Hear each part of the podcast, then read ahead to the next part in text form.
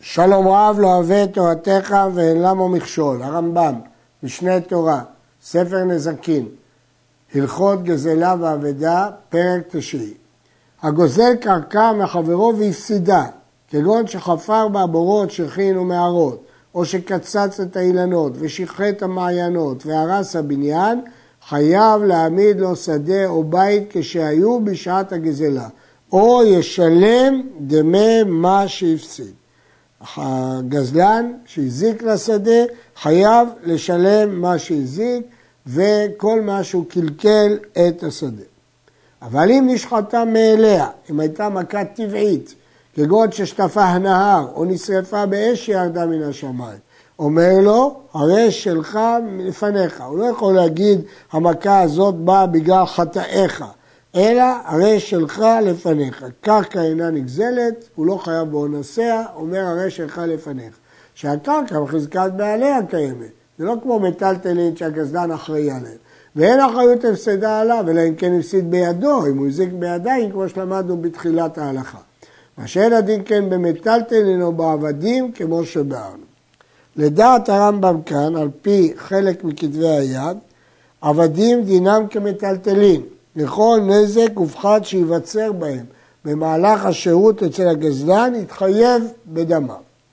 הרעב"ד בהשגותיו כאן חולק וקובע שהגוזל עבדים יכול לומר לו הרי שלך לפניך, כי עבדים דינם כקרקעות. גזל שדה ונגזלה ממנו, גזלו את זה מהגזלן, ונטלו מציקין בכוח המלך, או שבאו הנסים של המלך ולקחו לו. אם מכת מדינה היא כגון שלקח המלך שדות ובתים של כל אנשי המדינה, אומר לו, הרי שלך לפניך, זה כמו שנפל ברק מהשמיים, כמו ששטפה נהר, השדה שלך. ואם מחמת הגזלן נלקחה, בגלל שהמלך היה לו טענות עליו, חייב להעמיד לו שדה אחרת, כי הוא זה שגרם. איך יודעים שזה בגללו? כגון שאנסו את כל קרקעותיו, לא רק את הקרקע הספציפית הזאת, גם קרקעות אחרות, אז ברור שהוא חייב לשלם. אנס המלך את הגזלן ואמר לו, הראה לנו כל מה שיש לך. והראה שדה זו שגזל בכלל שדותיו. ונטלה המלך, חייב להעמיד לו שדה אחרת כמותה, הוא נותן דמיה. למרות שהמלך נטל את כל השדות, לא רק שלו, אבל כאן הוא הראה את השדה הזאת, אז הוא, זה לא שלו בכלל, מה פתאום הוא הציג את זה בכלל לשדות שלו?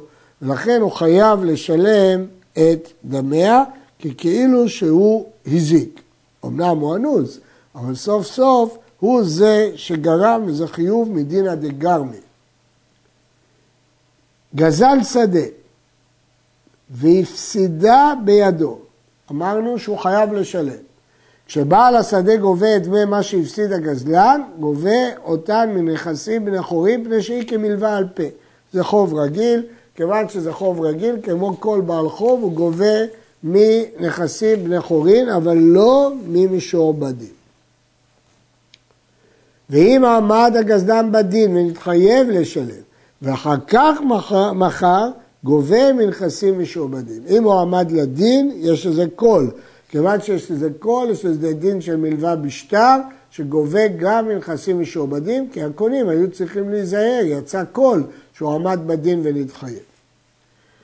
גזל שדה ואכל פירותיה, משלם כל הפירות שאכל מנכסים בני חורין.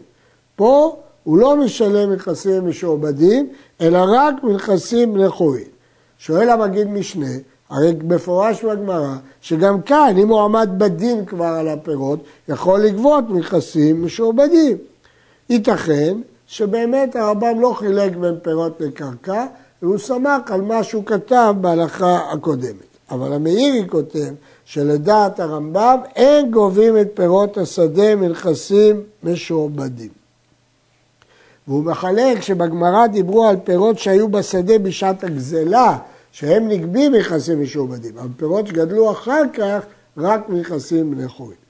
גזל והשביח, הוא שיפר את השדה, הביא בה פירות, עכשיו השדה שווה יותר משעת הגזלה, שמין לו, הוא מקבל את מה שהוא השביח, אבל ידו על התחתונה, כמו כל מי שיורד לתוך שדה חברו שלא ברשות ומשביח אותה. אם השבח עטר על ההוצאה, נוטה להוצאה בלבד מן הנגזל, את ההוצאות שלו. ואם ההוצאה יתרה על השבח, אין לו מההוצאה, אלא שיעור השבח ידו על התחתונה. גזל שדה ומחרה והשביחה הלוקח, לא הגזלן השביח את השדה, אלא הקונה מן הגזלן השביח את השדה. אם השבח יתר על ההוצאה, נוטה להוצאה מן בעל השדה ונוטה לקרן עם שאר השבח מן הגזלן.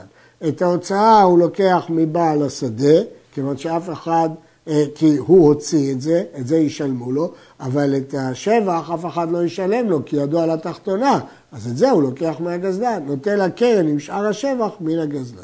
הקרן מנכסים משועבדים, ושאר השבח מבני חורים.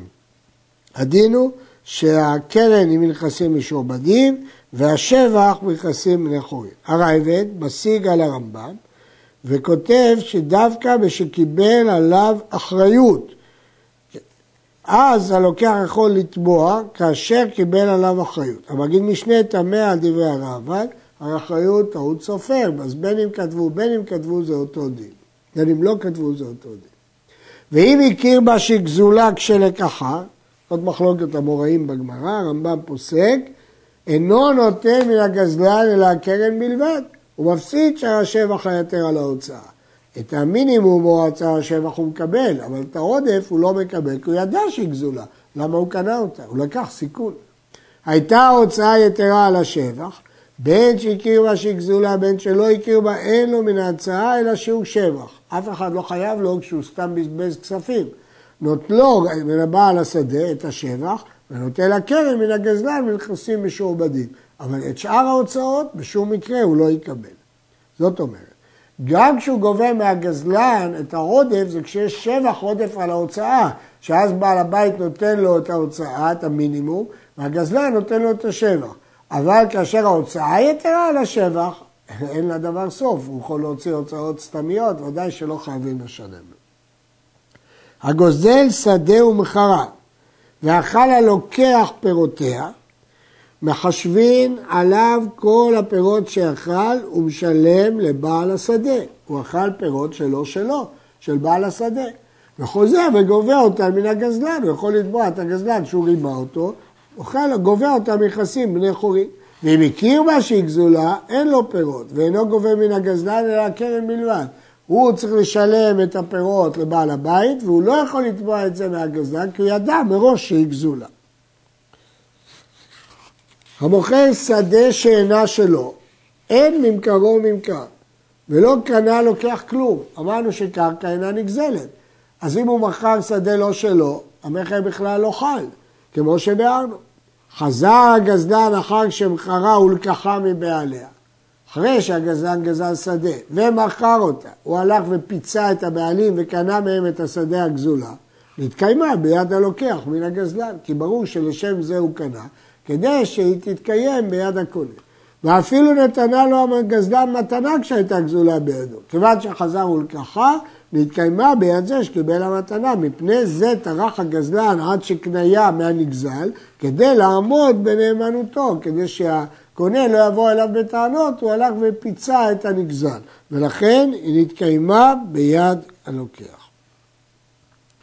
לפיכך, אם תבע הלוקח את הגזלן מפני שמכר לו שדה שאינה שלו ונתחייב לשלם והתחילו בדין להכריז על נכסי הגזלן כדי להגבות מהם ללוקח ואחר שהתחילו הכרזות לקחה הגזלן מן הבעלים לא נתקיימה בעד הלוקח שמאחר שהכריזו על נכסיו נתגלה שאינו נאמן, אין לו שום עניין לקיים את השם שלו, כבר התפרסם שהוא גנב ולא לקחה מן הבעלים כדי להעמידה ביד הלוקח, הוא קנה את זה בשבילו, ולכן הוא לא חייב לתת את זה ללוקח. לקחה הגזלן מן הבעלים אחר שמכרה כשהיא גזולה, וחזר ומכרה לאחר ונתנה מתנה או הרישה, הרי גילה דעתו שאינו רוצה להעמיד, להעמידה ביד זה שככה ממנו כשהייתה גזולה. הרי כשהוא מכר לו זה היה ממכר בטעות. עכשיו כשהוא קנה, הוא לא קנה בשבילו, הוא קנה בשביל למכור למישהו אחר. ובכן אם נפלה לגזלן בירושה, לא נתקיימה ביד הלוקח, כי הוא לא עשה שום מעשה כדי להצדיק את הנאמנות שלו. גבה אותה הגזלן בחובו, הנגזל היה חייב לגזלן כסף, והגזלן אומר לו, אני אממש את החוב בשדה שגזלתי ממך. אם יש לה נגזל קרקע אחרת ואמר לו הגזלן, זו אני גובה בחובי דווקא את מה שגזלתי, הרי זה נתכוון לעמידה ביד הלוקח. למה הוא לוקח דווקא את זאת? כדי להסתדר עם זה שקנה ממנו. ואם אין לה נגזל קרקע אלא זו, לגבות חובו הוא שהוא התכוון. הוא לא התכוון בכלל להעמיד את זה ביד הלוקח, הוא התכוון להציל את החוב שלו. נתנו הבעלים לגזלן מתנה, הנגזל נתן את זה לגזלן במתנה, קנה אותה הלוקח. כי למה הוא נתן לו מתנה? שאילו לא טרח לבעלים, אם הוא לא יתאמץ, לא היו נותנים לו מתנה. ופני זה טרח כדי שיזכה בבדים ויעמוד בנאמנותו ויתקיים ביד הלוקח. בקיצור, מתנה זה כמו קניין. כמו שכשהוא קנה, אנחנו אומרים שהוא קנה כדי לעמוד בנאמנותו, גם כשהוא קיבל מתנה, הוא כנראה עשה מאמצים רבים כדי לקבל את זה. הגוזל שדה, ואחר שגזלה, והוחזק גזלן עליה, חזר ולקחה מבעלים הראשונים. וטען הנגזל ואמר, אנוס הייתי בשעה שמכרתי לו, שלא לדעתי מכרתי, מחמת גזלנותו, לא זכה הגזלן. אבל פי שיש לו עדים של ככה בפניהם, ותחזור השדה לבעליה, ומחזירים לגזלן הדמים שנתן. הגזלן איבד את הנאמנות שלו. אנחנו רואים שהוא גזל כבר את השדה הזאת. אז ברור שאם מישהו מכר לו, יש להניח שהוא הפעיל עליו לחץ כבד למכור לו. ולכן כשהנגזל טוען שלא מכרתי ברצוני, מאמינים לו למרות שהוא לא מסר מודעה. ולמרות שהוא קיבל כסף, הוא יחזיר את הכסף. אבל השדה לא מכורה. במה דברים אמורים שהוא צריך להחזיר את הכסף? כשהעידו העדים שמנע בפניהם את המעות, ראו ששילם כסף. אבל אם העידו שבעל הקרקע מכר לגזל והודה לו בפניהם שנתן לו דמים כך וכך, והנגזל טוען שלא נתן לו כלום. חוות יראה הודה לו, אין לגזלן כלום, אנחנו לא מאמינים לגזלן שהוא להודעה, אנחנו אומרים שהוא סחט את ההודעה מהנגזל. אלא מוציאים ממנו השדה בלא דמים, כנראה שהוא לקח אותה בלי כסף בכלל. מפני שלא הודה לו אלא פני הפחד כשטען, הואיל והוחזק גזלן עליה. כל זה בגלל שהוחזק גזלן. כיוון שהוחזק גזלן, אז אה, ברור העניין. אין בעל השדה צריך לעשות מודעה על מכר זה.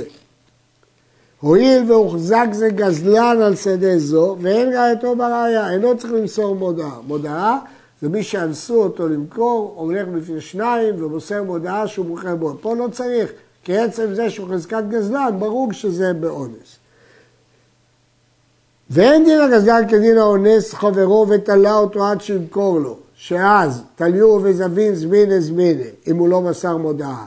שזה האונס אינו רוצה לגזול, ולא גזל לו עדיין כלום. לפיכך, אם לא מסר המוכר האנוס מודעה, ממכרו קיים. יש לנו כלל, תליו וזבין זמינה זמינה. אם לחצו על האדם וכפו אותו למכור, המכר חל, כי הוא קיבל דמים, ובסוף הסכים למכור. אמנם לאונסו, אבל בסוף הוא הסכים. אלא אם כן הוא מוסר מודעה. אבל זה באדם רגיל.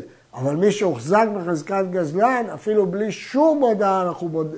מניחים שהוא גזל את השדה וסחט הודעה לאונסו, ולכן בלי שום הודעה השדה חוזרת לבעליה. עד כאן.